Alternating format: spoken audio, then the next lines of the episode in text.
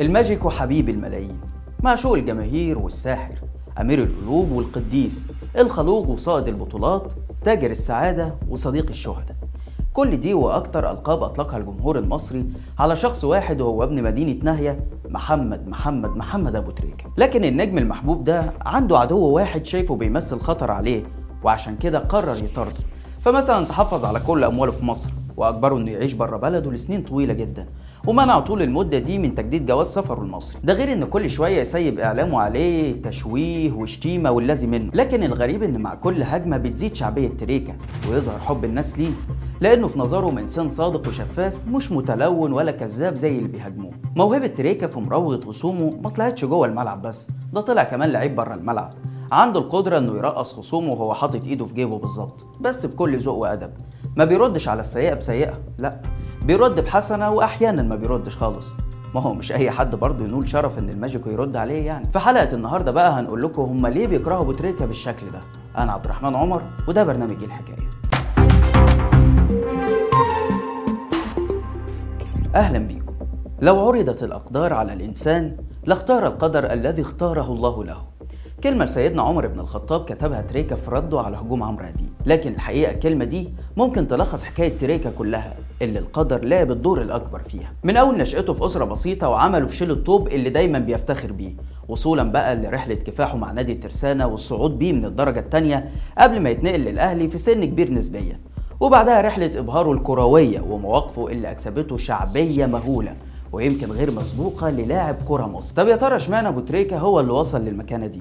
رغم إن ناس كتير بتشوف لعيبة تانية كانت أحرف وأمهر منه وكان في لعيبة برضه عندها التزام ديني ولعيبة تانية كان ليها مواقف سياسية أوضح منه بكتير. الإجابة عن السؤال ده طويلة بس لو هنلخصها في كلمة واحدة هتكون القبول.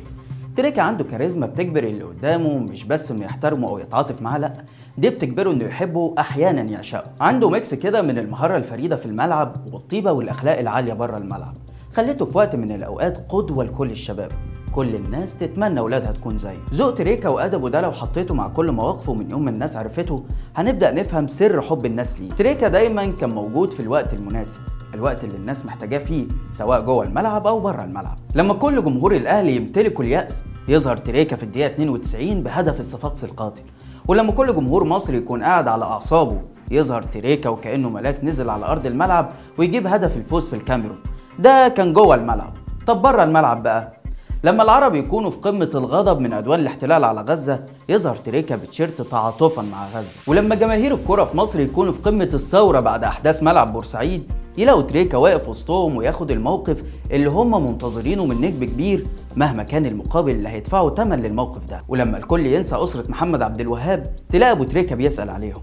ولما تعدي السنين والكل ينسى أهالي شهداء بورسعيد تلاقي تريكا مش ناسيهم ومتواصل معاهم. ولما يكون الكل بيجري ورا الفلوس تلاقي تريكا يرفض مكافأة مليون جنيه من ساويرس ويطلب إنها تروح للمنتخب. ولما الكويت تدعيه للمشاركة في مباراة عالمية مقابل 50 ألف يورو يرفض الفلوس ويقول إن المشاركة في حدث مهم لدولة عربية شرف ليه. ولما بلده تطرده وإعلامها يهاجمه ما تطلعش منه كلمة واحدة مسيئة. بالعكس تلاقيه دايما بيقول إن نفسه يرجع مصر ويرفض إن ابنه ياخد جنسية دولة تانية.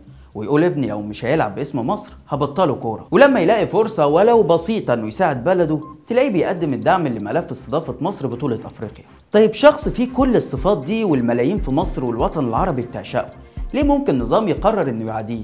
وليه يطلع إعلام يهاجمه لمدة نص ساعة كاملة لمجرد بوست على صفحة النادي الأهلي بيهنيه بعيد ميلاده؟ الإجابة ببساطة جدا لأن تريكا مش من نوعية المشاهير اللي النظام بيحبهم.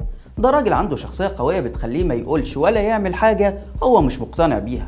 من الآخر تريكا عمره ما كان هيقدم فروض الطاعة للنظام الحالي. ولك أن تتخيل شخص بشعبية تريكا بس مش مؤيد للسيسي ولا بيتبرع لصندوق تحيا مصر. خد بالك برضو إن تريكا عمره ما قدم نفسه باعتباره معارض سياسي. هو فعلا مش معارض ولا حتى إخوان. بس ليه مواقف إنسانية النظام مش قابلها. زي إنه يتعاطف مع ضحايا مجزرة بورسعيد ورابعه وإنه يكتب تويته يعزي فيها وفاة الرئيس الراحل محمد مرسي. مجرد تعاطفه الانساني ده غير مقبول عندهم. وتكون النتيجة إنهم يحاولوا على مدار سنين إنهم يحطوا تريكا في خانة العدو. بس عمر الناس ما صدقت كلامهم. ببساطة لأنه كذب واضح جدا. يعني لما عمرو أديب يقول إن عمره ما عزف أولادنا الجنود اللي بيموتوا في حوادث إرهابية فتلاقي الناس على طول تعيد نشر تغريدات تريكا زي مثلا لما كتب الشهادة في سبيل الوطن خلود في الجنان وفي القلوب والعقول. رحم الله شهداء مصر. ودي كانت بعد حادث بئر العبد. ولما كتب أصوات تعلو بتكبيرات العيد وأصوات أخرى تعلو بنطق الشهادة للقاء ربهم ودي كانت بعد حادثة في العريش. ولما كتب رحم الله شهداء مسجد الروضة. ولما كتب خالص أعزائي لأهالي ضحايا كنيسة ماري جرجس وغيرها وغيرها من التويتات اللي الناس متأكدة إن تريكا صادق فيها. عارفين ليه؟ لأن الضحايا دول تريكا أقرب ليهم بكتير قوي من عمرو أديب. اللي كلنا عارفين كويس إنه بيتاجر بيهم وبدمهم عشان يمشي يوزع صكوك الوطنية والخيانه والدليل على كده إنه في الوقت اللي عمرو بيهاجم تريكا بتلاقيه بيستضيف خالد يوسف اللي طلع من مصر بفضيحة أخلاقية وبيستضيف هشام طلعت مصطفى اللي أدين بحكم محكمة في قضية قتل. طبعا على الأقل تريكا ما تمش إدانته في أي قضية وصحيفة الحالة الجنائية بتاعته ناصعة البياض. وحتى لما النظام حطه على قوائم الإرهاب محكمة النقض لغت القرار بعدها لكن النظام كان رجع حطه مرة تانية. وكلنا عارفين إن موضوع قوائم الإرهاب ده قصة عبثية تماما وسلاح بيستخدمه النظام ضد خصومه بدون وجه حق وبدون حكم إدانة قضائي. وبيتم طبعا رفعه بعد خمس سنين في حال عدم إدانة صاحبه. وزي ما قلنا تريكا حتى الآن غير مدان في أي قضية نهائي. ده يعني لو حد فكر ياخد كلام عمرو أديب على محمل الجدية أو يكلمه بالمنطق. لكن منطق إيه مع إعلامي كل يوم بوش ومعروف إن كلمته لصاحب القناة واللي بيقبضه. تريكا زي ما بيرقص أي حد في الملعب بكل سهولة ويرمي الأسيست بوش رجله متقشر للمهاجم بيعمل كده مع النظام. ويمكن هو أكتر شخصية عامة في مصر قادر يخرج نفسه من الاستقطاب. الكل بيحبه سواء مؤيد أو معارض باستثناء شوية الطبالين طبعا اللي كلنا عارفينهم. وزي ما قلنا إن شطارة تريكا تتلخص في صدقه مع الناس الراجل ما بيعرفش يكذب ولا ينافق. اللي في قلبه دايما على لسانه وده لو سبب له مشكلة مع النظام فهو في الحقيقة واحد من أهم أسرار شعبيته. لأن الناس بتحب البطل اللي ما بيطاطيش واللي بيدفع ثمن مواقفه بشجاعة. فتلاقيه بيتعرض لظلم رهيب جدا في بلده زي ما قلنا. ظلم حرمه من وداع والده أكتر شخصية مؤثرة في حياته. بس عمرك ما تشوفه بيشتكي ولا حتى بيقول كلمة وحشة عن البلد. تحسه كده مترفع عن الخناقة اللي النظام مصر يدخله فيها. لكن تريكا بيخلي اللي بيهاجمه شكله وحش. انت بتهاجم حد مش معبرك أصلا مش شايفك. حد الناس بتحبه وفي نفس الوقت انت مش عارف تمسك عليه غلطة واحدة. كل كلامك ضده بتكذبه أبسط الحقائق. وكل ما تيجي فرصة لحد إنه يتكلم عنه تلاقيه بيحكي لينا سر من أسراره اللي تخلي الناس تحبه أكتر وأكتر. تريكا كبير قوي بأخلاقه وذكائه وثباته على المبدأ. فمثلا رغم إنه عايش في قطر من وقت خروجه من مصر بتلاقيه بينتقد التطبيع الرياضي لما وفد من دولة الاحتلال شارك في بطولة عالمية نظمتها الدوحة. ورغم إنه شغال في قناة beIN Sport اللي بيديرها ناصر الخليفي رئيس نادي باريس سان جيرمان لكنه ما خافش من إنه يشجع على مقاطعة فرنسا بسبب الرسوم المسيئة للرسول. تريكا دايما كان صوت الناس البسيطة اللي ملهاش صوت بس النظام كان عايزه يبقى مجرد واحد من الهتيفة بتوعه اللي بيعبروا عن رأي السلطة وكريمة المجتمع.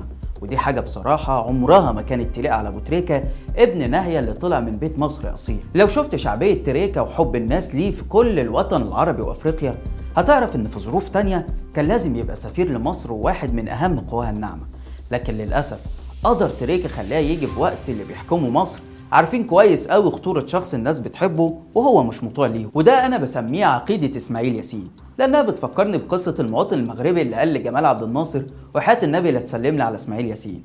وده اللي بيخلي السلطة عندها خوف كبير جدا من إن يكون فنان أو لاعب كورة عنده شعبية أكتر من رئيس جمهورية أو وزير. إحنا عندنا وزراء لو مشوا في الشارع محدش هيعرف لحد هنا يا سيدي وخلصت الحلقة. لو بتحب طبعا أبو تريكة اعمل لنا like و share واشترك في القناة على اليوتيوب.